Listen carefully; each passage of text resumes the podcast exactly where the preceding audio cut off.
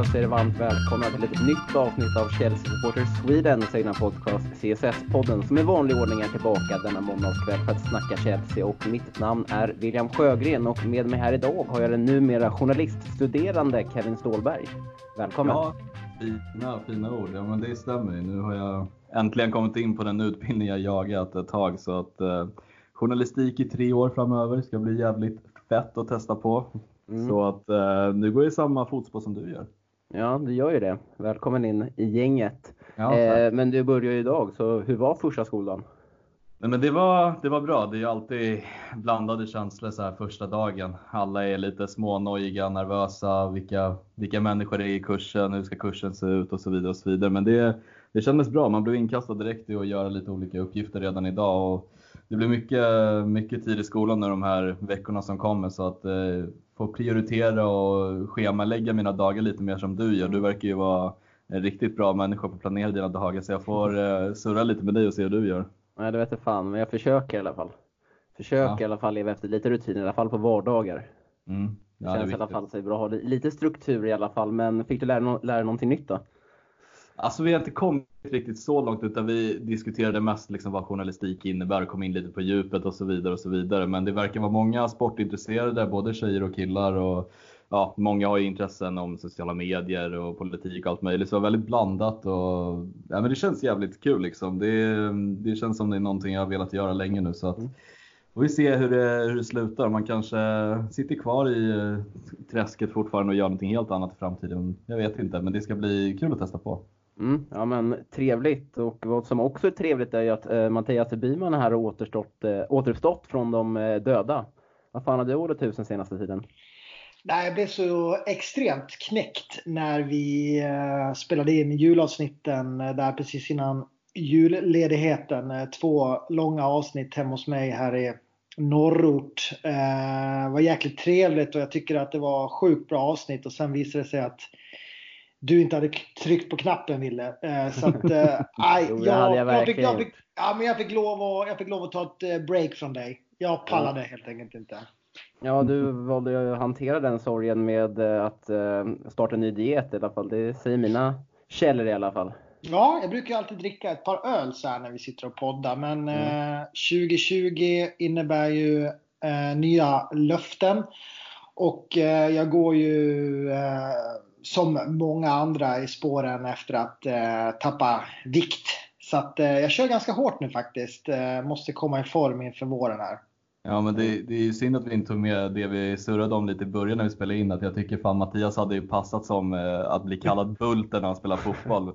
Tänker mig en eh, härlig frejdig mittback där bak som eh, lite för mycket på sig på kroppen. Men vad fan gör det liksom? Nej, det handlar ju också om att ha ett bra spelsinne och det har jag. Det har ju visat sig även här i podden. Jag får se hur det spelsinnet är nu med tanke på att du inte är någon bira inne i kroppen när du sitter och snackar. Så det, det kan bli lite förbannad kanske. Ja men så är det. Men det var ju, eh, jag måste bara säga det, det har inte lyft så mycket men eh, fasiken vad kul vi hade när vi satt och spelade in live här hemma hos mig, vi tre. Mm. Det, var, eh, och det är någonting vi tycker vi ska göra framöver. Om du kan komma ner från Pite Eh, så ska vi passa på att göra det igen. Det var eh, riktigt trevligt. Ja, vad bra nivå faktiskt. Jävligt kul. Ja, jag håller med. Mm. Fick man en rågad Hornstullspåse med lite IPA och bira som Kevin hade dragit in. Så det var kul att prova någonting nytt också. Ja, härligt. Mm. Jag får bara se till så att vi har eh, fullt koll på hur hjulet ska fungera. För det var någonting som jag satt med eh, några dagar senare och eh, kollade lite, lite mer tutorials och testade hit och dit. Och jag tror jag i alla fall fått en lösning i alla fall tills nästa gång vi ska spela in. Så det känns i alla fall bra och jag håller helt med där. Det var, hade sjukt kul och ser gärna fram emot att göra det igen. Verkligen. Men eh, om vi ska ta oss vidare lite här nu. En, eh, ett fint inslag i den här podcasten är ju det här med tröjnummer och eh, vi är inne på avsnitt 51 nu, vilket att vi får gräva allt ner djupare i träsket. Eh, vet inte om, eh, jag tycker i alla fall att det här segmentet ändå är ändå helt okej okay, för att man får ändå lära sig och får veta lite om några spelare som inte längre spelar i Chelsea och hur det har gått för dem. Eh, men i alla fall nummer 51, Mattias, vad har du, vad har du där? Jag har ju tänkt många gånger att jag ska googla det här innan så att jag kan briljera. Men jag har ju faktiskt inte gjort det. Eh, men du Den var ju helt... Extremt svår. Ja, jag vet. Men jag måste bara... Nu slog det mig. Alltså, Ville. Ja. Jag tror att det var i förra avsnittet eller för två avsnitt sedan när Kevin höll i den här och du och han säger att det är spelare från Sierra Leone och du säger Josh McEachran. är så jävla snedsteg. Men för att, för, nej ursäkta här, uh, ta det lite lugnt nu. För att, för, för att få försvara mig själv innan ni gör narr av mig så, vet du, så avslöjar ändå Kevin att det var två bröder och då sa jag, men de bröderna vi har i Chelsea som jag kom på var McEachran-bröderna och Chalobah-bröderna. Och då hade jag redan givit ledtråden om Sierra Leone. Men jag lovar att det kan vara så. Ja, ja. ja. Men eh, vad har vi nu på nummer 51? Eh, kan man få en ledtråd eller? Eh, jag, är inte, jag var inte så ambitiös den här veckan så att plocka fram några ledtrådar. Men det, han, bo, han eh, bar i alla fall det här numret eh, säsongen 06-07. men jag tror inte han gjorde en match. Men han, har, men han, har, han har inte gjort någon, alltså han har inte gjort sin debut för Chelsea. Och han har inte spelat för Chelsea? Jo, han har lirat, men jag tror inte att han gjorde, gjorde debuten då. Eh, jo, men han lirade. Eh, 2007 hade han numret och så gjorde han tre matcher. Oj, Vilken, är han back, mittfältare, forward? Eh, ytterback. Oh, jag har en gissning. Mm. Todd Kane. Fel. Fan. Kan det vara Sam Hutchinson? Ja, men det stämmer. Nej, ah. visst, fan vad du googlade upp det där Björn. Nej, nej, inte, nej. nej men, Alla kan ju sina Klart man kan Sam Hutchinson. Ja, ja, ja. Han är ju fin Sam.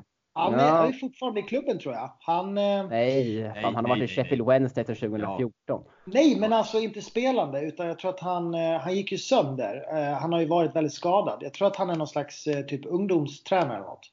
Nej, han lirar i Sheffield nej, Wednesday enligt mina källor. Gör han det? Ja, ja. Han spelar, jag kan, en liten snabb googling. Han spelar i Sheffield Wednesday nu. Ah, okay. 30 bast, 133 matcher. Ja. Okej. Okay. Men jag kommer lite roligt angående Sam Hutchinson att jag såg någon eh, så här, typ runt 2008-2009 där omkring, tror jag att det var när någon engelsk tablå eh, förutspådde hur England kunde, kunde ställa upp i VM 2014 och då hade de då Sam Hutchinson på högerbacken. Så det var ju en väldigt stor talang på den tiden. Mm. Han var jätte, jättelovande och eh, han, man spådde ju liksom honom att bli nästan John Terry. Eh, men sen satt det ju en, eh, jag tror, eh, nu ska jag inte hänga ut den allt för långt, men jag tror att han fick en väldigt svår knäskada har jag för mig och sen ja, så kom han inte riktigt tillbaks.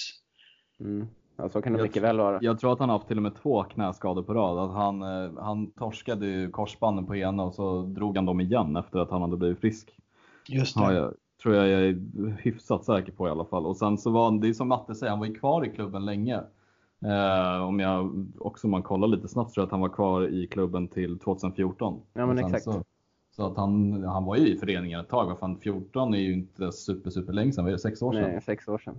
Precis. Men nu är jag faktiskt också inne och googlar för jag blir lite intresserad. Det står att Hutchinson retired from professional football at age of 21. Men sen så kanske han kom tillbaka han måste igen. Kom tillbaka så. Jo, men det är en säsong här när jag var och kollade hans, eh, klubb, eh, hans klubbs historik. Eh, då, då var faktiskt inte aktiv mellan 2010 och 2011 verkar det som. Sen kom han tillbaka till Chelsea på något sätt, så han kanske tog ett litet sabbatsår där och sen insåg att det finns alla möjligheter i världen för mig att eh, kunna spela på en relativt bra nivå. Ja, mm. för det står nämligen så här också. It was announced that Hutchinson would work with the Chelsea Academy mm. while also studying at the university. Ja, men då var du ändå inte helt ute och cyklade. Nej, verkligen. Ja. ja, men härligt. Fina Sam Hutchinson. Eh, Hutchinson, Hutchinson, uttalen är on point. Men eh, vi kanske presenterar då dagens agenda och vi börjar i Newcastle och St. James Park. Det blev en sådär extremt jobbig övertidsförlust. Chelsea var uppe och nosade på 2,0 i expected goals. Och så vad var det egentligen som gick snett och varför har Chelsea så inåt helvete stora problem med Newcastle på bortaplan? Snabbt upp på hästen igen, för redan imorgon väntar Arsenal i ett stekhett London-derby på Stamford Bridge. Och hur ska Chelsea ta sig an den matchen? Ja, och några som vet hur man piskar dit Arsenal är ju damlaget som körde över Gunners dit under söndags eftermiddagen igår med hela 4-1. Och som vanligt i januari så blir det lite transfersnack innan vi rundar av med, med de frågor som ni har ställt oss vår Facebookgrupp. Detta och mycket mer i CSS-podden. Nu kör vi!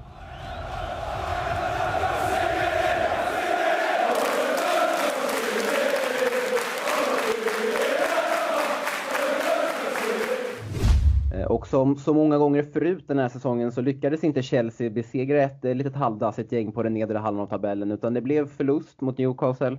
1-0 i baken i den 94 matchminuten Mattias. Vad var det som hände där på St. James' Park? Ja, jag skrev faktiskt på min eh, Twitter eh, timmarna innan match där att idag är det match mot Newcastle. Får man se fram emot en torsk. Och så blev det. Det är ju vårt boogie-team sedan länge. Varför vet jag inte men ehm, så länge jag kan minnas så har vi haft svårt mot Newcastle borta och eh, så blev det även den här gången. De ställde upp med en riktig köttmur med 11 man bakom bollen där och likt Steve Bruce brukar göra så var de väldigt kompakta och ehm, helt enkelt bra i försvarsspelet men hade väl egentligen ingenting framåt. Ehm, vad som gick fel var väl egentligen att vi egentligen inte gjorde mål. Vi gjorde väl egentligen allt vi, vi skulle förutom det. Vi, ja, vi kanske skulle ha skapat lite mer men, men det borde ha räckt eh, med det vi skapade för att göra i alla fall ett eller två mål tycker jag. Så att eh, vad som gick fel skulle jag säga ineffektivitet. Och det känns som att det är ett eh, vanligt inslag i, i dagens Chelsea, Kevin. Ja, jag vill börja med att säga fuck Newcastle för det var, alltså, de är så jävla tråkiga alltså, att spela emot. Jag, tycker det, jag fattar varför man gör det eh, med tanke på kanske det spelarmaterialet man har, men jag tänker bara det, det är så fruktansvärt tråkig spelstil att kolla på att man liksom backar hem så sjukt mycket med laget och det är liksom en köttmur att kötta sig igenom. Men jag tycker lite som Matte är inne på att det, är, så det, jag tycker det är så svårt, för vi, jag tycker att vi skapar chanser, men jag tycker ändå att vi skapar överdrivet många chanser. Vi känns inte liksom riktigt giftiga eller att vi vill offra liksom en, en, en, ett ben eller en, liksom, en kula eller vad fan som helst för att liksom göra mål. Utan det känns hela tiden lite mellanmjölk och så får vi lite chanser ibland och så vidare och så vidare. Men det känns inte som att vi riktigt har det här sista edgen i tredjedelen. och det, det, det, är lite oroväckande för att det här är, det är ett upprepande mönster. Det är ju inte en match där sker nu. Det är upprepande matcher mot lag som är lite sämre. Och det, jag vet inte hur man ska komma, komma runt det här. Och sen har vi ju, nu ska inte jag lägga hela förlusten på Kepa liksom, men det, det, liksom, det börjar bli tjatigt att man känner att vissa bollar är så fan skulle en annan målvakt tagit den. Och det var lite så jag kände den här gången också. Ja, alltså det, om vi återgår lite bara till att eh, Newcastle är väldigt svåra för oss på bortaplan. Så är ganska, alltså de, de kommer ändå alltid till Stamford Bridge med exakt samma, samma taktik, men vi brukar oftast då ändå köra över dem. Visst, nu var det bara 1-0 eh, nu i höstas, men tidigare år så har det ändå slutat ja, men upp mot 3-0 till Chelsea i nästan alla möten på, på Stamford Bridge.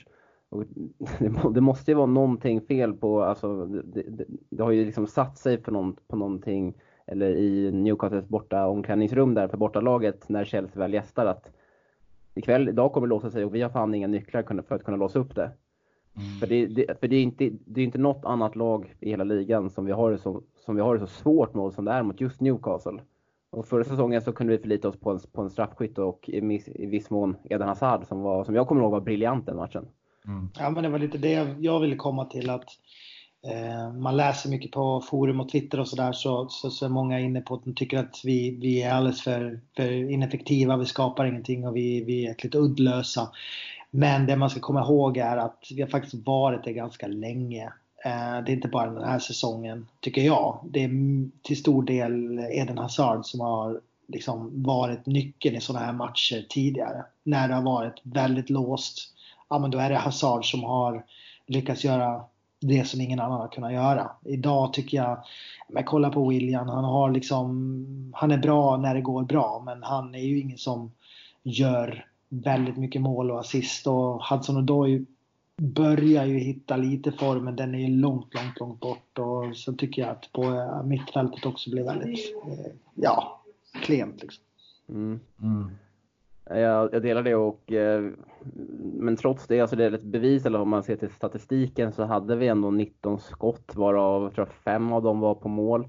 Och det är bara tecken på att för Newcastle spelade liksom 10 man bakom bollen och när vi väl kom in i straffområdet så hade de ju alla 10 man. Förutom Joel Linton som stod och fiskade lite högst upp i straffområdet. Och det är ett bevis på att vi inte har några lösningar när vi väl, blir, när vi väl kommer i sådana här situationer. Mm. Och jag vet inte, liksom, det är som, som Mattias vinner på lite här nu, så det är, inte, det är inte någonting nytt för den här säsongen eller nytt för Chelsea om man ser till många år, eller till många år eh, bakåt i tiden.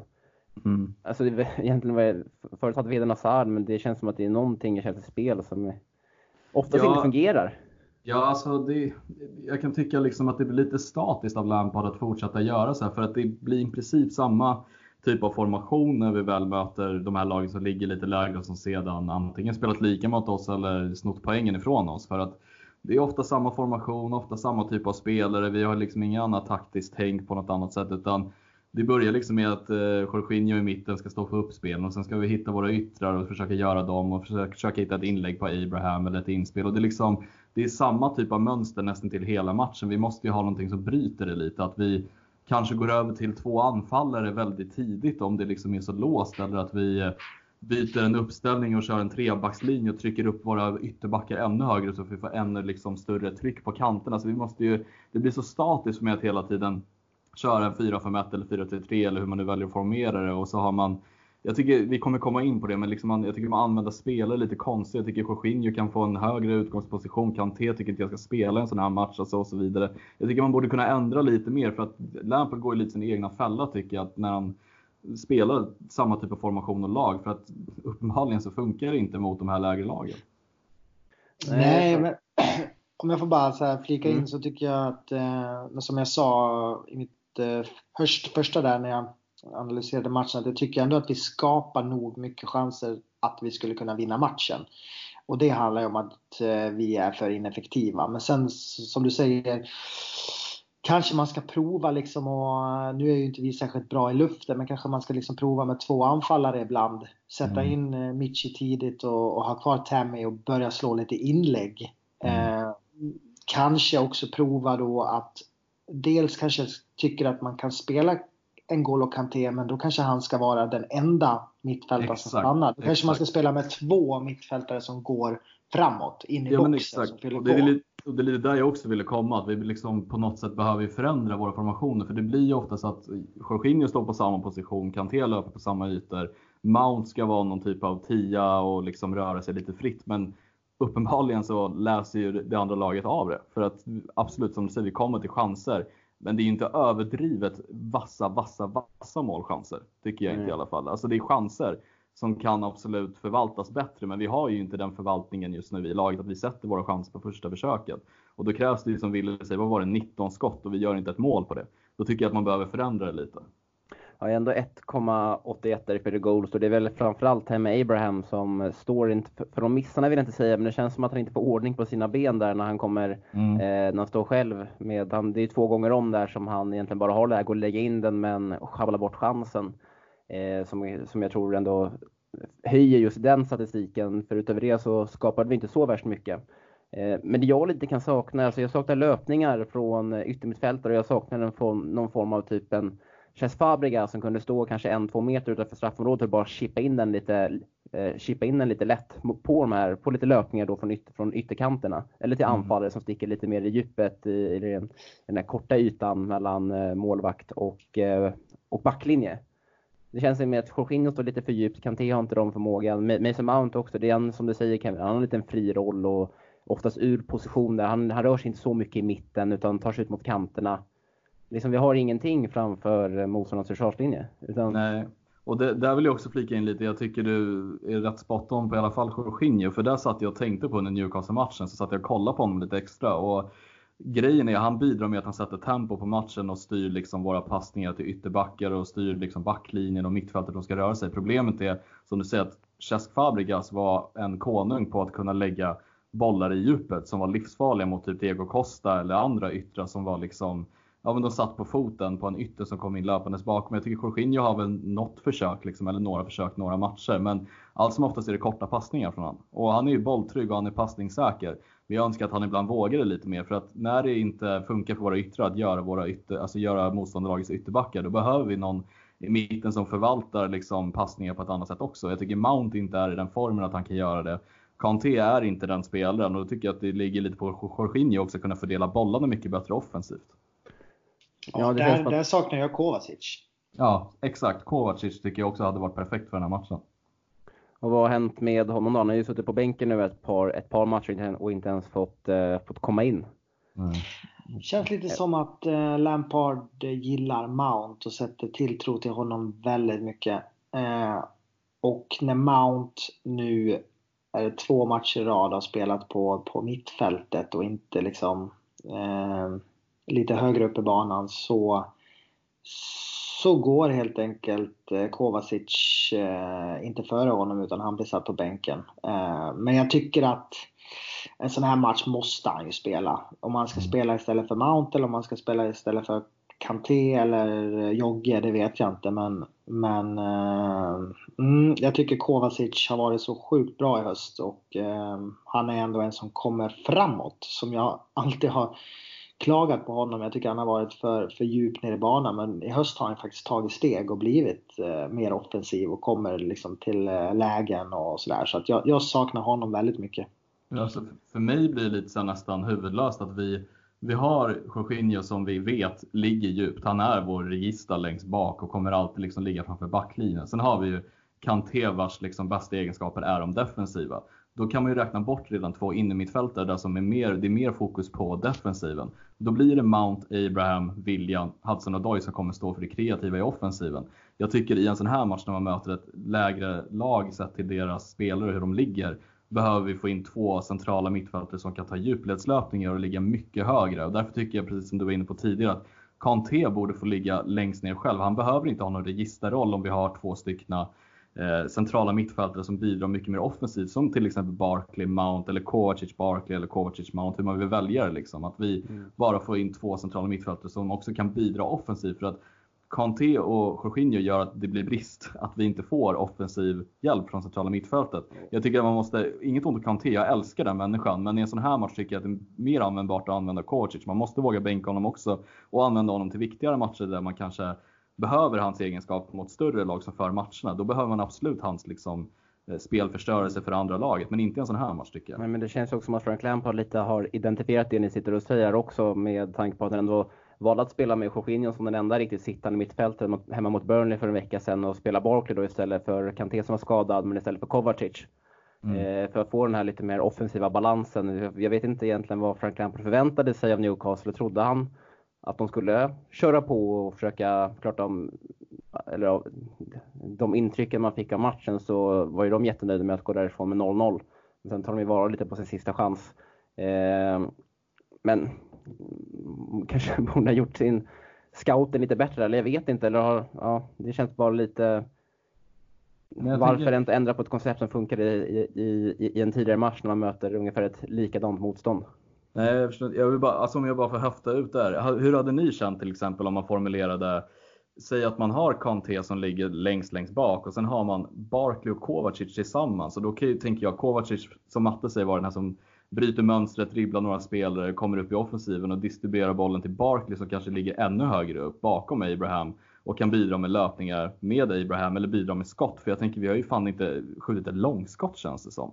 Det, liksom, det händer ju ingenting och då tänker jag Barkley har en bössa.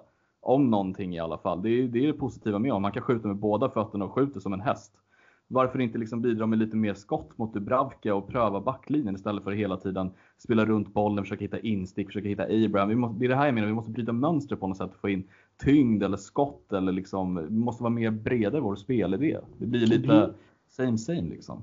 Ja, det blir väldigt också, tycker jag, när William och Hudson och Doyle spelar tillsammans. Jag tycker det blir lite för lättläst för de är ju båda ganska lika i sin spelstil. De väntar ju på boll istället för att springa i djupet många mm. gånger. De vill ju själva liksom gå in, ut, vända, ut och in och vända. Istället för att ha, när vi har till exempel en Christian Pulisic som är lite mer rakt på. Som vi verkligen fick se när han fick sitt genombrott eh, där mitt i hösten där när han började. Då fick vi någon som verkligen gick i djupet. Mm. Det är bra att ha en William eller Hudson Odoi men båda tillsammans blir det är ju så enkelt att försvara. Man vet ju att de kommer inte springa i djupet. Då kan vi ju stå bara. De kan ju bara stå. Och stå varför, och stå inte, var, varför inte flytta ut en Mount till exempel och peta William eller Hudson Odoi? Ja, precis. Jag, nog, jag, tror, jag, tror, det känns som att det hade blivit lite samma lika på något sätt ändå. Det känns tror inte som det? att Mount, ja, Mount har inte den, riktigt den explosiviteten. Om man jämför med till exempel en Pulisic och han sticker inte ut eh, tror jag gentemot William eller eh, Hatton i den aspekten heller. Utan jag tror det blir rätt samma lika. Eh, men jag blev faktiskt, jag har aldrig funderat på den konstellationen som du nämnde nyss Kevin med en Kanté lite djupare och sen kanske en Kovacic och Barkley framför. Ja, jag, förstår, jag förstår helt ärligt inte ibland varför Kanté inte spelar längst bak för att ja, jag fattar att Lampard vill ha bollinnehavet och Jorginho är en stor del varför vi har ett bra bollinnehav. Men i den här matchen mot Newcastle så kommer vi ha bollinnehavet oavsett vem som spelar längst bak. För Newcastle vill inte ha boll. De det har blivit lite den moderna fotbollen nu, att man ska ha en regista där ja. bak och man ska vara ett bollförande lag och den rollen funkar inte Kanté men eh, vi ska ha bollen vad det verkar. Men det, liksom, det känns inte som att ja, men Newcastle hotar, de satte ju aldrig, de satte ju aldrig, aldrig ens in pressen. Liksom. Nej, exakt. Att, och, det här, eh, och, och, alla som vet hur Newcastle spelar vet att det här kommer hända. Och helt ärligt, ja, jag fattar att det är modern fotboll, men vi behöver inte Jorginho i en sån här match. Alltså Kanté kan ligga längst bak och vara beredd på kontringar, för han kan klara det själv. Och sen har man två offensiva framför. Ja, men kolla jämför till exempel när vi spelade 4-3-3 med eh, José Mourinho första sessionen när vi hade Makelele som är, lite, var ändå ganska lik eh, Hanté. Mm. Eh, inte speciellt bra offensivt och sådär, men eh, briljant defensivt. Det var ju han som låg själv då och säkrade upp framför backlinjen. Sen hade vi två eh, mittfältare som alltid liksom bara tryckte på. Det var Lampard, det var Ballack, det var SCN etc. Och eh, då, som du är inne på Kevin, då får du två mittfältare som trycker på tillsammans med två mm. yttrar och en forward. Det blir, blir väldigt lättläst för Newcastle att se, ah, okej, okay, de har Jorginho, han står sjukt långt ner, de har Kanté, han kan väl släppa lite grann. Ja, ah, vi markerar bort Mount, eh, vi tar bort typ Hudson och Doyle eller William. Ja, men då har vi inte så mycket alternativ att göra, det är ganska lättläst. Mm. Så att eh, det måste finnas fler som fyller på, helt klart.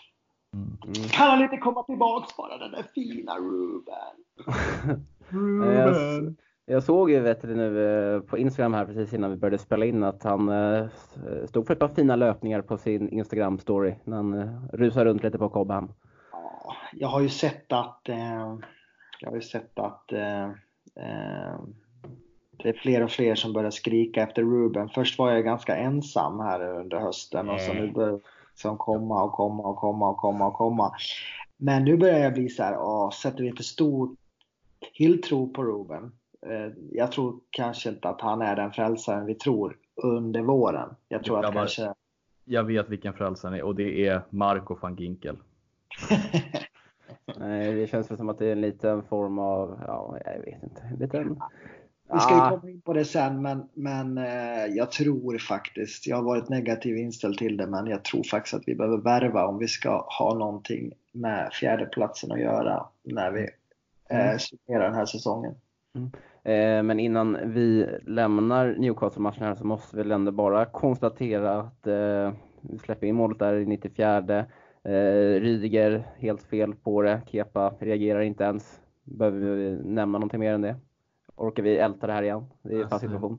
Same same. Jag tycker Rydiger har varit rätt svajig sedan han kom tillbaka. Han har ju haft någon match där han sticker ut, men jag tycker hans passningsspel tycker jag är under all kritik. Eh, jag hade liksom en annan bild av hans passningar än vad jag ser just nu. För jag tycker många långbollar funkar inte, de går utanför planen, de är misstajmade. Jag tycker ibland att man kan se att han ser lite svajig ut i liksom han ska nicka bort någon boll som går direkt till en annan spelare ibland. Alltså jag bara, det känns som att han fortfarande är lite ur form och försöker hitta formen och stabiliteten igen. Och det är all respekt för det. Han har ju varit borta ett tag. Men eh, jag bara känner det ibland. Jag tycker, om man kan säga någonting positivt, jag tycker Christensen har tagit för sig de här matcherna bättre än vad han gjort tidigare i alla fall. Det var det glädjer mig lite. För jag, jag känner fortfarande att han kanske inte är framtiden i Chelsea, men det gläder mig när spelare som har varit under isen presterar i alla fall lite. Ja. Jag eh, jag, ja, för att återgå till matchen så gör ju Rydiger lite så här, lite så här, han drar in eh, huvudet i skalet. Han är en skalman liksom. Han, mm. eh, jag tycker först och främst, många går på Kepa, men jag tycker det är Rydigers mål mer än vad det är Kepas mål. Han, han ju bara nicka bort den där liksom. Eh, och sen helt rätt Kevin, det är ju, jag ser just nu inte Rydiger som någon toppback. Jag trodde verkligen att eh, det kan vara så att han inte är i form, men varför ska han då spela? Ja, för mig är det bästa mittbacksparet Zuma Tomori. Ja, eh, så varför, varför spelar Rydiger Christensen? Det har jag. Jag vet inte om Tomori är skadad. Ja, jag tänkte komma in på det. Ville, vet du det? Nej, jag kollade också det inför, men han satt ju på bänken senast och var inte ens på bänken den här matchen. Det finns inga rapporter om att han är skadad. Det var inga frågor om det på dagens presskonferens heller, vad som hänt med honom. Utan man får ju betrakta det som att det är en petning Som att, som att Tomori just nu är den fjärde alternativet i backlinjen. Jag kanske har helt fel. Kanske är skadad, men det var inte riktigt. Vi, vi, vi vet ju om att han hade, hade lite skadebekymmer där i början på december. Eh, mot Everton borta. Han var skadad där i jul också någon match. Ja, så det kan vara lite små skavanker som eh, hämmar honom. Men, eh, ja, men Christensen, det känns, var ju lite inne på förra avsnittet, det känns ju som att det är en spelare som Frank Campbell verkligen vill ska lyckas. Han ser någonting där på träningar som inte kommer ut på matchen. Eh, och för det är den här passningsfoten han vill åt som han vill försöka förvalta och förädla på något sätt. Ja, eh, Passningsfoten som inte existerar. Nej, men exakt. Vi har ändå konstaterat att det är en bluff eh, under, eh, i, den här, i den här podcasten. Men eh, jag antar ändå att den finns någonstans där, men den kommer inte ut för jag kan inte se de, några, andra, om man, eh, några andra egenskaper han har som är, bättre än någon av Rydiger, Tomori eller Somas. Eh, men ändå som jag tycker också har varit helt okej de här senaste två han har fått starta i Premier League. Men alltså, han sticker ju inte ut. Det finns ingen, alltså, han, eh, hans insatser är ju inte fog till att uh, bänka någon annan. Nej, jag tycker Christensen är en eh, bra mittback. Just nu har vi fyra ganska Men hyfsat lika ja, alltså. mittbackar skulle jag säga. Det beror lite på form och, och motstånd och sådär. Men, men, men, för mig, kan man sälja Christensen så, så tror jag att det är bra. För jag tror inte att han är en mittback som, som liksom kommer att ta Chelsea till nästa steg eh, dit vi ändå har målet att gå. Mm. Eh, jag tror att det är Tomori som kan göra det, om det är någon. Så att, eh, jag skulle vilja se mer speltid på Tomori och sen så tycker jag Zuma har fysiken eh, som inte Christensen och Rydiger har. Men eh, en annan som har jävla fysik men tyvärr blev skadad det var ju Reece James som jag tycker återigen gör en sjukt bra match faktiskt. Mm. Ja, det är väl, han är väl bäst på plan tills han går ut.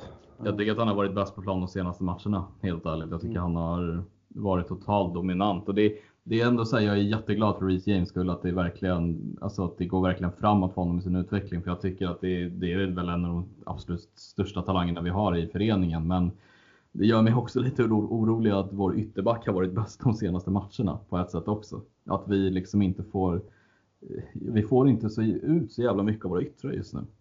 Och offensiva pjäser. Reece James har varit bäst de matcherna och det är jättebra men det gör mig ändå lite orolig. Mm, nu ja. sägs det ju inte att han var eh, alltför skadad. Jag trodde att det var knät som gick där, men det var väl eh, tydligen ja. eh, inte så farligt va? Nej, eller presskonferensen är tillbaka imorgon kanske. Mm. Han är, ja, han, är conten han är in contention for tomorrow's mm. game tillsammans med Marcos Alonso som också har tagit sig tillbaka från en skada. Mm. Um, ja, jag vet, jag vet inte Kevin, jag blir bara glad över att han presterar så pass bra, men det är klart det blir orolig, att man blir orolig över att en ytterback är Chelseas bästa spelare just nu, man ser till form. Mm. Ehm, eh, samtidigt ändå fint, lite inne lite på den här moderna, moderna fotbollen som det ser ut just nu, hur viktiga ändå ytterbackar ska vara, ska vara i både speluppbyggnad och i slutprodukten. Så eh, man får ändå betrakta dem som ett offensivt hot ändå. Mm, tycker jag. Ja, men definitivt, men jag tänker mest bara på till exempel Nottingham-matchen, fine, där var Hudson Odoi rätt bra också, men det är liksom eh, Reece James vet vi har haft den här talangen och nu får han ju verkligen utdelning av den, att han visar hur, hur bra han faktiskt är. Jag tänker mer bara på att jag tycker våra yttrar och våra offensiva sett blek ut. Och nu kanske jag är lite ute på djupt vatten, jag är bara jävligt irriterad över den här matchen. Mm. Ja, men jag tycker att vi lämnar den och går vidare till den matchen som spelas imorgon då mot eh, mm. Arsenal. Eh, hur studsar Chelsea tillbaka Kevin? Ja, alltså det är oroväckande att det är på hemmaplan för att där presterar vi uppenbarligen inte alla gånger. Men det är ändå kul att det är Arsenal för att det gick ju bra senast och jag har kollat lite extra på Arsenal och mm, det är ett lag som är fan i ännu sämre form än vad Chelsea är. Om vi ska säga att vi är i dålig form så är Arsenal snäppet under oss. Och nu har de ju många spelare borta också. Det här är ett ypperligt läge för oss att studsa ja. tillbaka igen. Och vill du jag ska dra vilka som är borta i Arsenal eller har du ja, Det är en det? jävla massa backar i alla fall och en ja. li, li, lite spjutspets där framme. Ja, nej, men det är Aubameyang avstängd, Tierney skadad, Chambers skadad, Nelson skadad, Kolasinac skadad. Sen har vi Sokratis som har varit sjuk men kanske kommer tillbaka imorgon mot Chelsea. Så det är många spelare Arsenal borta. Och de kan alltså ställa upp med David Luiz och Mustafi som mittbackar. Så det är någonting vi borde nyttja tycker jag. Och Saka på vänsterbacken troligen. Och högerback blir väl, nu vet inte jag vad fan, vem kan det bli? Det blir väl kanske... Bellerin ska väl vara tillbaka. Ja, så det är ju det är ett eh, Arsenal som, som det går jävligt motigt för med mycket skador. Så att, alltså fan, vi, vi, jag känner att vi är favoriter och vi ska vinna imorgon. Alltså det måste vi göra. Ja, jag är mest intresserad inför den här matchen, inte, inte mest intresserad, men det ska bli extremt eh, kul, vet jag fan, men det ska bli intressant att se i alla fall hur David Luiz tas emot på, på Stamford Bridge. Han, det en, var ju ändå en väldigt kontroversiell flytt som han gjorde. Och eh, vi vet hur det gick senast för honom när han var tillbaka på Stamford Bridge där när han gästade med sitt PSG i någon Champions League-kvartsfinal eh, 2015 typ. Eh, med de här dusterna med Diego Costa och det, ja, det är en väldigt stor profil, alltså han har en stark personlighet liksom så han kommer ju inte vika sig för några strider om man säger så. Jag var faktiskt där och kollade den matchen live. Uh, han uh, vart faktiskt utbuad. Uh, trots att han hade varit en stor profil innan så när han lämnade för PSG där så. Men han gjorde ju mål mot Chelsea i det mötet. Uh, men jag tror inte att han kommer att uh, hälsas tillbaks. alltså han kanske inte blir utbuad från start men det han visade upp sist när han drar en sulan mot en Golo Kanté. Och, ja, fy fan. Nej, han är, han, alltså, mm, han är lite småsmutsig Louise. Eh, så att jag eh, har inte tagit honom till mitt hjärta den här andra gången han har kommit till Chelsea faktiskt. Så att eh, får se hur det blir. Men eh, det ska bli intressant att se. Som ni säger, många borta. Men Arsenal är inte det laget som är som Newcastle ställer, ställer 11 man på egen planhalva. Det tror jag faktiskt inte att de kommer göra, vilket kommer passa oss bättre. För vi är ju bra när vi möter spelande lag. När vi får lite mer ytor och när vi kan, kan spela vårt spel lite mer. Eh, så att, eh, men vi får se. Får se. Men jag har svårt att se Arteta och eh, ett Arsenal liksom ställa 11 man som Newcastle gjorde. Det tror jag inte de gör. Och i en sån här match tycker jag, vad säga också, i en sån här match tycker jag verkligen det är perfekt för Conte att spela. Det är såna här matcher jag tycker är de, de matcher man ska använda honom rätt. För att i den här matchen så tänker jag mig att Chelsea kommer väl troligen försöka föra spelet, men Arsenal vill ju också vara ett bollförande lag och där behöver vi Kanté i sådana matcher för att kunna bryta upp spel och förstöra på mitten. Och om det är Guendouzi, Xhaka eller någon annan jävel i Arsenal så kommer han ju bryta ner dem. Och det är, och tror, jag tror Kanté kan bli väldigt viktig i den här matchen.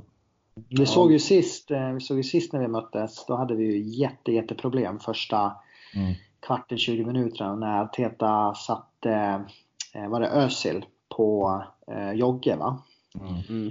Eh, och fick eh, sjukt bra utdelning på det och vi, vi kom ju liksom ingenstans och de pressade tillbaks och så sen bytte vi ju eh, spelsystem. Det var ju faktiskt Lampard, eh, det ska han ha en fjäder i hatten att han vågade förändra och när han också satte in Lamptey. Mm.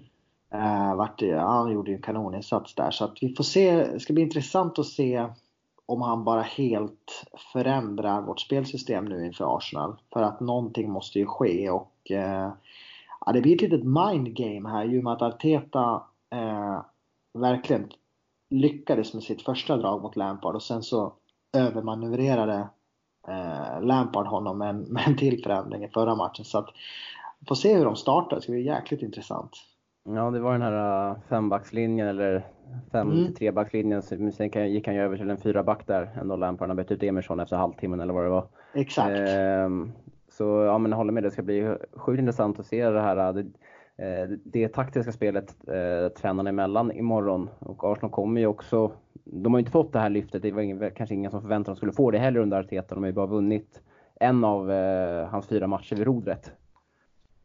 Så att det, är också ett lag som är i form, skakigt försvar och sen som Kevin säger, Aubameyang drog ju röda mot Crystal Palace och är avstängd även den här matchen och tillbaka till nästa. Så det är ett ypperligt tillfälle för Chelsea här nu att uh, bara köra över Arsenal och studsa tillbaka, tycker jag.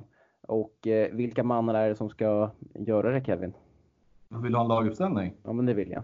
Åh herregud, det har inte jag förberett mig för en gångs skull. Men om jag bara får höfta så um Eh, Eh, jag tycker att vi ska ställa upp, om James är frisk så tycker jag att James ska spela till höger. Jag tycker vi bör byta mittbackskonstellation och spela Zuma och Rydiger. Jag vill ha köttiga mittbackar i den här matchen mot Lacazette och sen vill jag ha Spilicueta till vänster.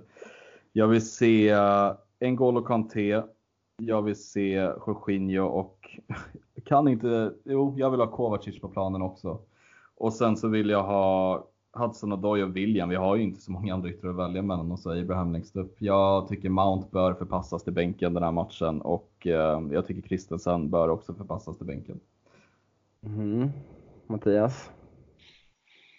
Ja, du gick på ett 4-3-3 där mm. Kevin mm. och jag, jag eh, är benägen att hålla med. att eh, Jag tycker det, det är ett spelsätt som passar oss bra och det passade oss bra mot Arsenal när vi förändrade sist. Så att, eh, vi kör väl på det och kan James spela så vill jag se honom till höger. Jag vill att vi byter ut mittbacksparet till Soma Tomori. Och jag vill se Aspi på vänstern. Jag vill se Kanté, Jogge och Kova det klassiska mittfältet som funkar så bra under Sarri och som jag tycker har funkat bra även när de har fått chansen under Lampard. Och det är rutin också. Eh, så jag tror mm. att eh, det är ett eh, bra mittfält. Och sen så, ja men som sagt vi har inte så jäkla mycket så att det blir väl William och Hudson på, på kanterna och Abraham på topp. Det är ju, alltså i höstas när det gick så jäkla bra då satt vi här i podden och, och, på Twitter och på forum och bara åh oh shit vilka lyxproblem man har. Lampard har så mycket spelare och vem ska, gud hur ska den få speltid och bla bla bla. Nu sitter vi här i januari och vi har inte ens ett alternativ till ytterkanterna. För att Nej, det, vi har inte knappt alternativ framåt mm. heller. För att jag har svårt att se att någon annan än Abraham skulle spela. Så att ja, vi måste värva. Återigen. Jag tror att, jag tror jag delar helt Mattias uppställning. Jag skulle ha Zuma och Tomori där bak också. Men jag tror faktiskt att eh, han som Doy kan ändå få sitta bänk här och kan ändå flytta ut Mount på en kant som vi har sett honom göra så många gånger tidigare under säsongen, Lampard. Eh, kanske han värderar lite hans eh, arbetskapaciteten lite högre i en sån här match. Eh, och där är ju Mount nå lite bättre än Hudson Odoi. Så vi får se helt enkelt vad han väljer att eh, göra. Frank Lampard. Mm.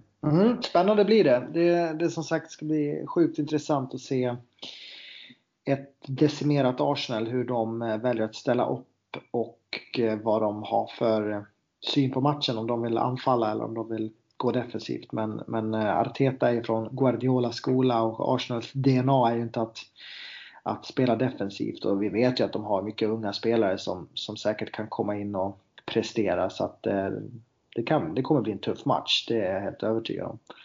Mm, vi får se helt enkelt. Och svaret får vi imorgon i avspark 21.15 på Stamford Bridge. Du vet väl om att du kan bli medlem i CSS? Via vår sida på Svenska fans kan du läsa om hur du blir det och vilka förmåner det ger. Så gör som 800 andra och bli medlem du också.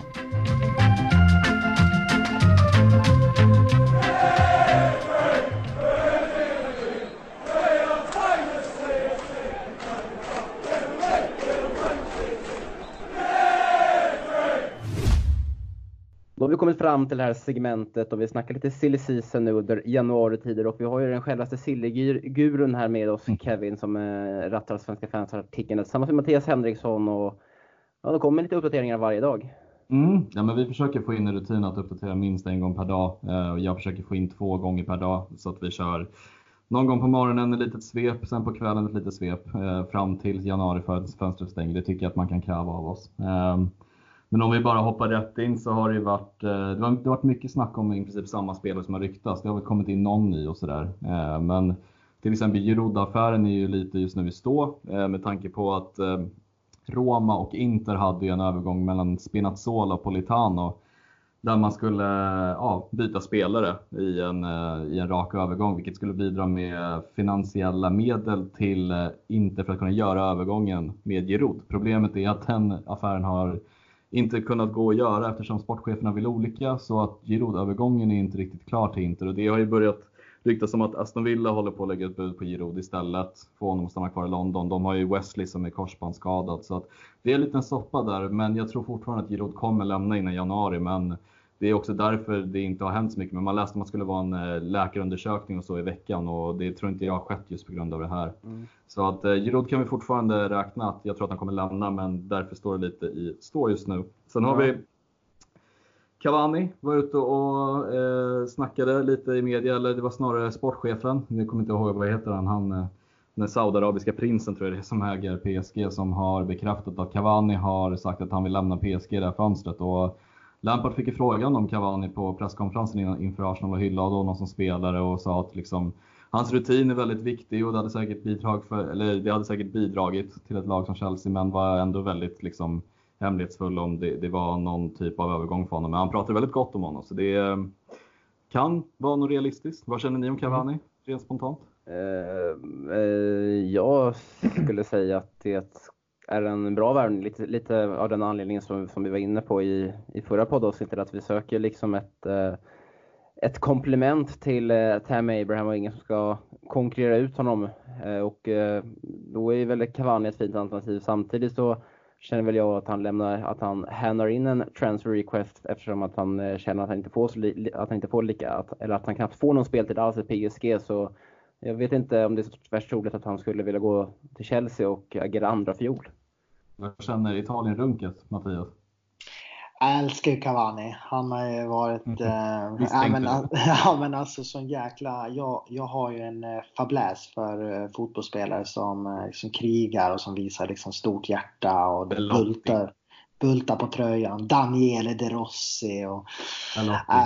Äh, Belotti och... Nej men så är det. Nej men Cavani ända sedan hans tid i Napoli. Eh, har jag, har jag faktiskt haft ett gott öga på honom och sen under de här eh, två VM va, som man har fått sett honom i Uruguay. Så eh, Cavani är ju en spelare som alltid ger 100% för sin tränare och sina lagkamrater och som eh, eh, otroligt rivig i sin spelstil, löper mycket. Det finns nog ingen anfallare som löper så mycket som Cavani, både offensivt och defensivt. Och, nej, han är, jag tycker att det vore en eh, perfekt värvning. Eh, som du var inne på lite Ville, att det är faktiskt ingen som, som ska eh, axla eh, första platsen för en lång framtid utan han kan faktiskt växeldra med Tammy och om en säsong eller ja, med två då kanske så, så, så, är han ju, så är han ju klar för oss. Utan det kan vara en, det var en kortsiktig bra lösning. Vi får in rutin, vi får in en anfallare som liksom har spelat på den högsta nivån många år och som faktiskt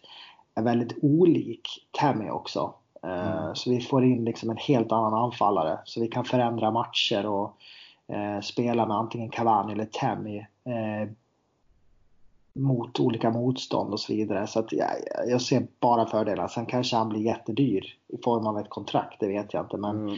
Men Roman, eh, Roman är redo att spend the money again. Så mm. varför inte? Jag tycker att det är dumt att satsa på någon så här mm. oprövad eller slänga en miljard på Moussa Dembélé, det tycker jag är idiotiskt. Så att eh, kan vi få Cavani för typ 20-25 miljoner pund, vi kränger iväg Giroud, vi kränger iväg Michi, då, då har vi ju finansierat det där. Så att, eh, ja, jag håller bring, med. bring him in.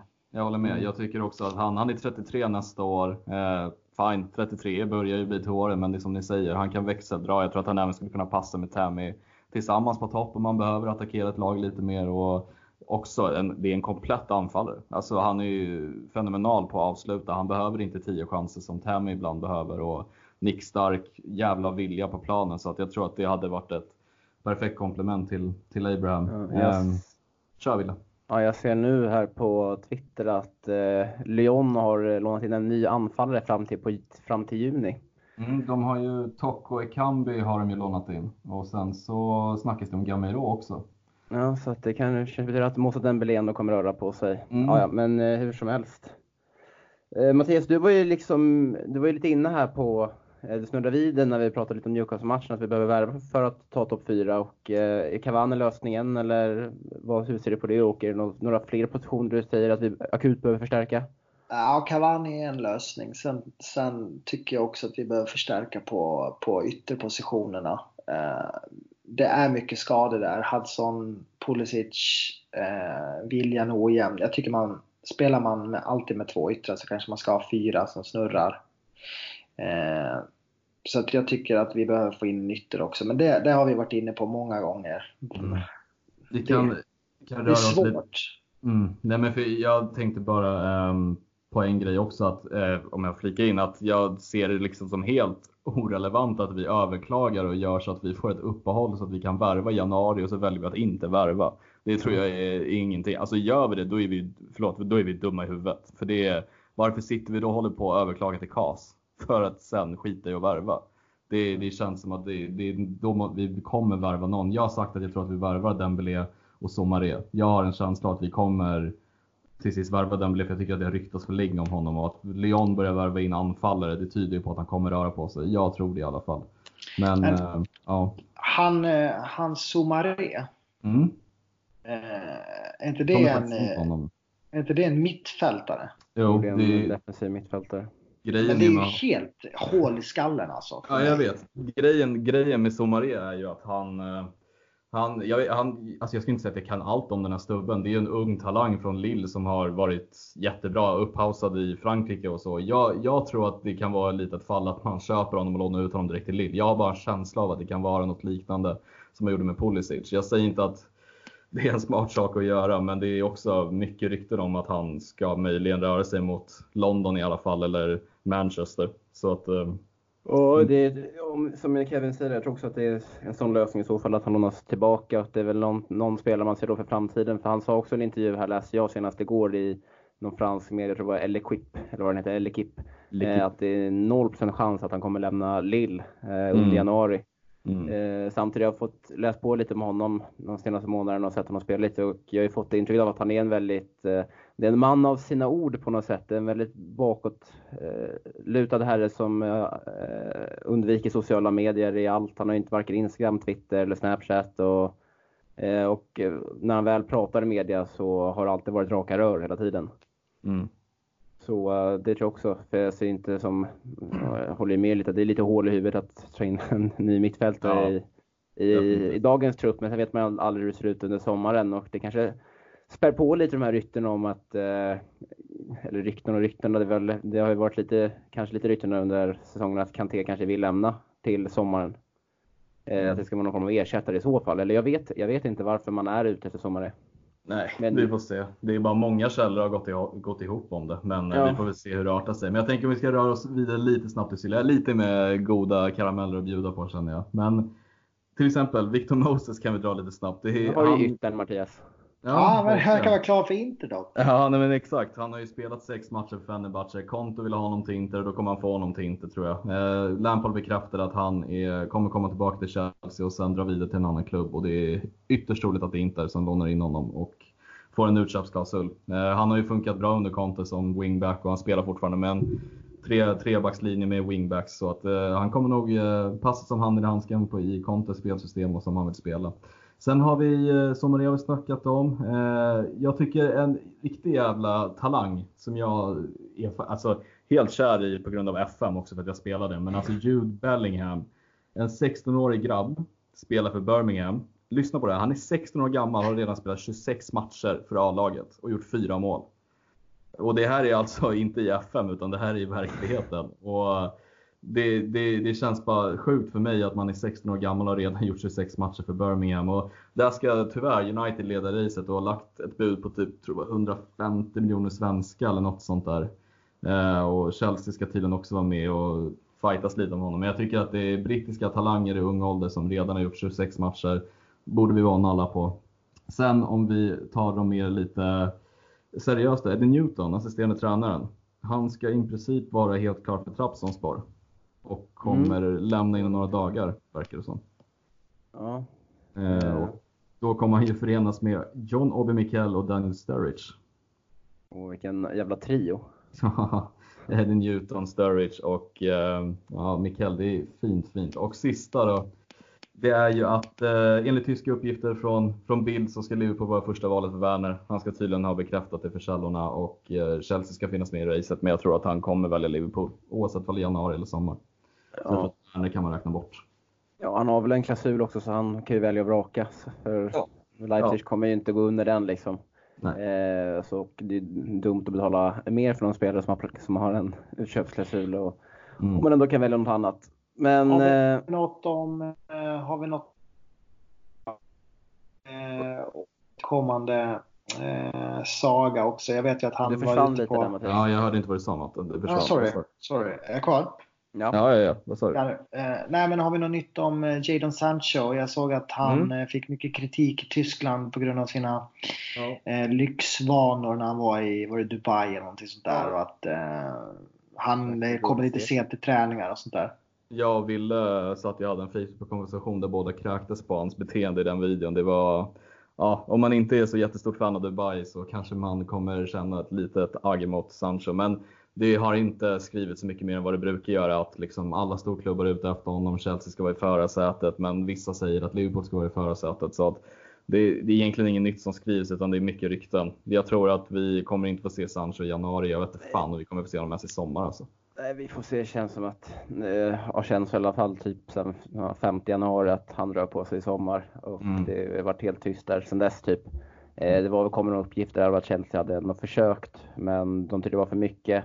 Och sen eh, har ju också, samtidigt som det sägs att Dortmund inte ens vill sälja nu under januari så att eh, det är någonting till sommaren. Det känns att det är helt, helt dött där. Så han, han, han är nog stanna. Vad eh, såg eh, var eh, Erik Wikander tror jag, en gammal Chelsea-kompis. Han skrev på Twitter att Ben Chilwell var utanför truppen senast och det var han ju. Och han var varken skadad eller... Det kan jag bekräfta Eh. varför. Ja, bekräftat, Sillekungen. Han har nämligen, han vilade till den här matchen. Han har varit borta från träningen under veckan i Leicester. Han har varit sjuk. Så att han vilades helt. Helvete. Det var någonting Brandon Rodgers bekräftade också. Helvete. Han och eh, Should Hurry, båda fick eh, luftas i den matchen. Okej. Eh, det var inte bra. Jag hade hoppats på, på en Chilwell men det är svårt att se också att vi ska kunna nypa honom nu i januari. Vi kanske kan ta honom i sommar men, men nu blir det ju svårt såklart. Ja. Nej, det, det är ju, januarifönstret är ju tufft alltså. Det är ju klassiskt eh, svårvärvat. Eh, det är eh, inte så många klubbar som vill sälja om man inte redan har en ersättare på gång in och det är ju det kommer det här hjulet in att det, det ska ju, allt ska ju klaffa. Um, nej, det här blir... Um, Nagelbitande. Ja, Nagelbitande och jag vill ju verkligen inte att vi ska börja köpa så här dåliga köp. Gå i den här fällan igen och värva jävla breddspelare som, som om ett år, ett och ett halvt år vi måste sälja igen och som sitter på bra, på bra löner. Utan nu ska det antingen vara kortsiktiga kontrakt med typ Cavani som kan gå in och göra skillnad direkt. Eller så ska det i så fall vara då någonting ungt och spännande som man kan bygga vidare på. Men, men ingenting däremellan. Mm, Jag säger nej. så här, jag har en känsla av att runt 25, 26, 26, 27, där kommer vi värva någon. Mm. Det, det, jag har en magkänsla av att vi kommer inte göra så mycket den här veckan på grund av att vi har match mitt i veckan, hade match i helgen. Sen tror jag fokuset efter det kommer vara på att vi kommer Nej. få in någon sista dagarna innan nästa vecka. Vet ni vem jag tror det blir? Wilfred Zaha. Ja. Nej, jag tror Moussa men, Dembélé. Men det, nej, vi får se. Men det känns, jag tror att man jobbar lite parallellt ändå trots att man har match Kevin med, eh, Ja, ja absolut. med. Men eh, det känns väl som att, eller jag går lite i de eh, tankebanorna just nu i alla fall. Det känns bara som att det är någon tweet ifrån från någon källa att eh, he's done och sen så några timmar senare så kommer det eh, presenteras. Det känns som att det, men jag vet inte fan vem det är för det är ju så många som det ryktas om just nu. Eh, och eh, kanske blir fina, det- fina när det väl slår, ja, men när, när, när, när det väl slår till så går det jävligt fort när den här, först, när den här första eh, tweeten kommer från en väldigt seriös källa att det är klart, då brukar det gå jävligt fort. Eh, Och Mm. den att den kan komma när som helst. Eh, men bra hörni, det var i alla fall silly season för den här veckan.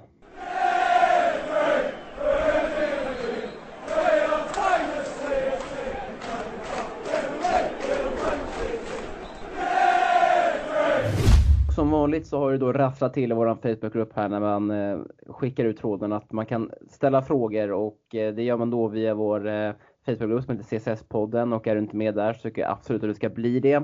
Det är bara att gå in på Facebook och sen skriver in CSS-podden i sökrutan och svarar på en enkel fråga så släpper jag in dig. Och om vi börjar här då så har vi en fråga från Mikael Kullman som vill att vi ska prata lite om Chelseas kross av Arsenal och han syftar då på dammatchen igår.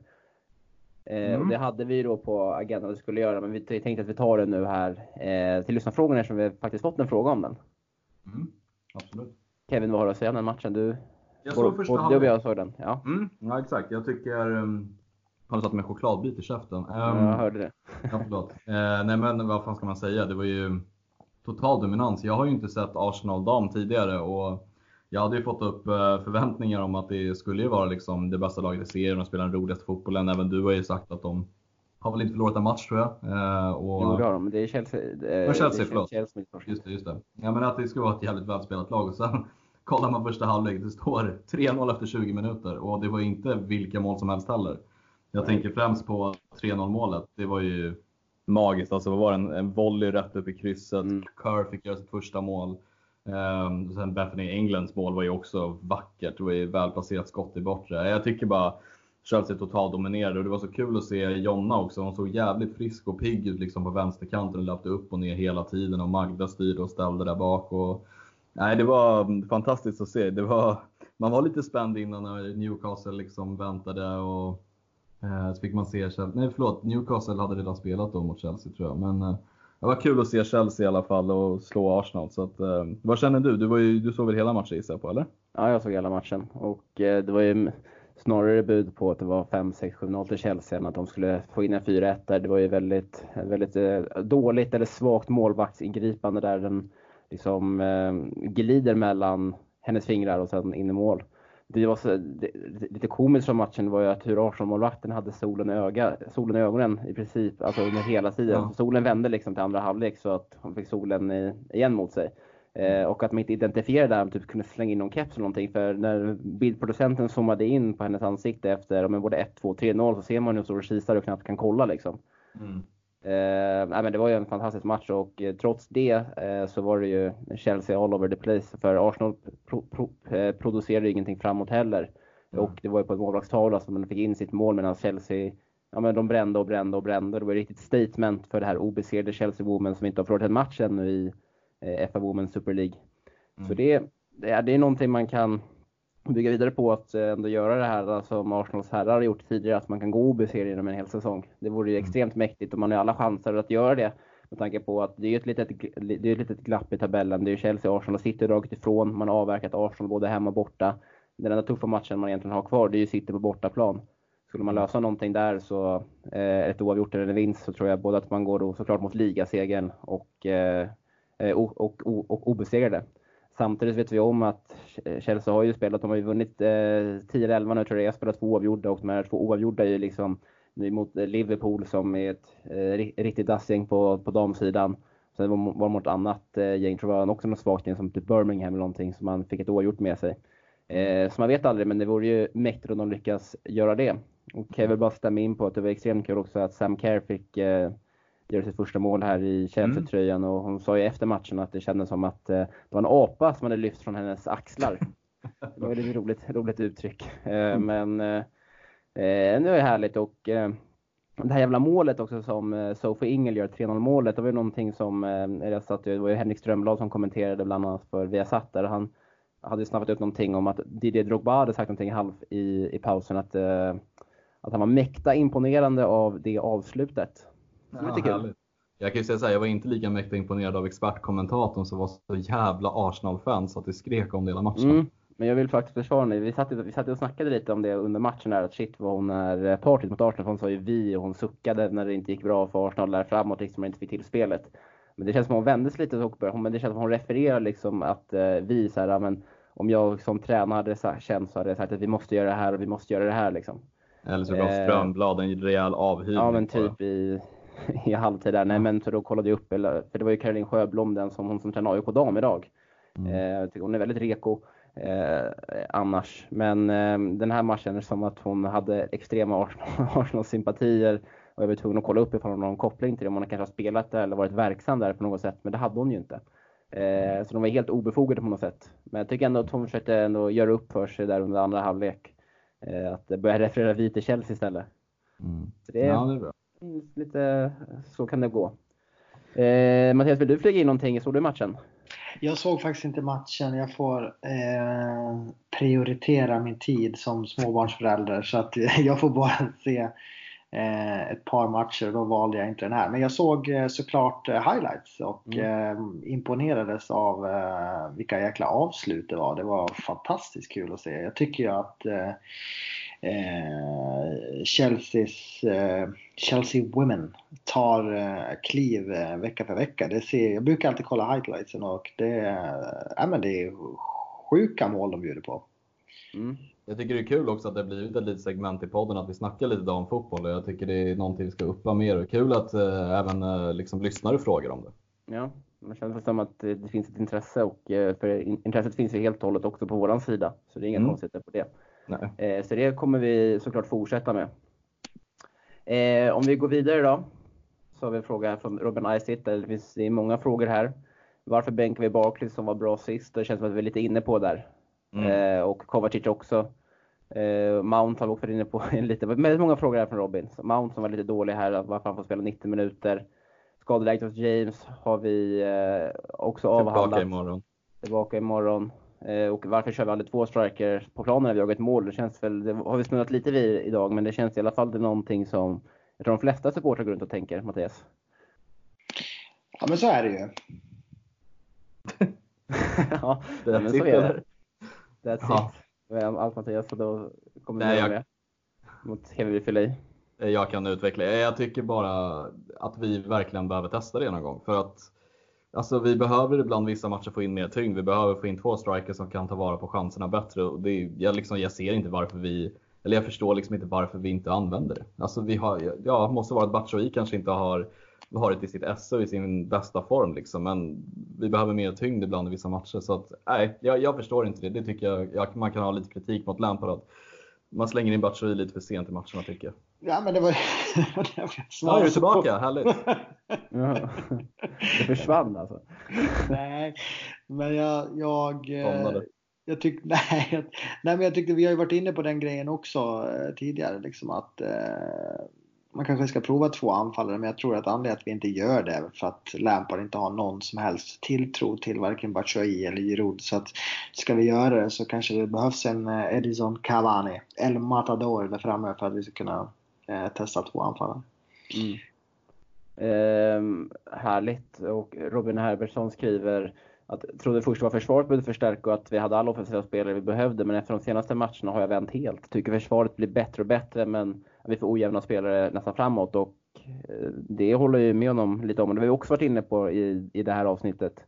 Det känns som att vi behöver lite nya idéer framåt och kanske få lite mer individuell skicklighet i, i, i den offensiva trion där framme. Mm. Ja, nej absolut. Jag kan bara instämma. Jag tycker ju också att Matte var bra inne på det tidigare, att vi har fyra rätt jämna liksom, mittbackar och där kan vi ju konstellera lite med den som har bäst form, men vi behöver ju absolut någon som bryter mönstret där uppe just nu. Det är det vi saknar mest. Och det är konstigt när vi satt och snackade om att defensiven ser väldigt skakig ut i början av säsongen. Nu sitter vi och snackar om att offensiven ser ännu skakigare ut. Så att det är kul hur det kan vända.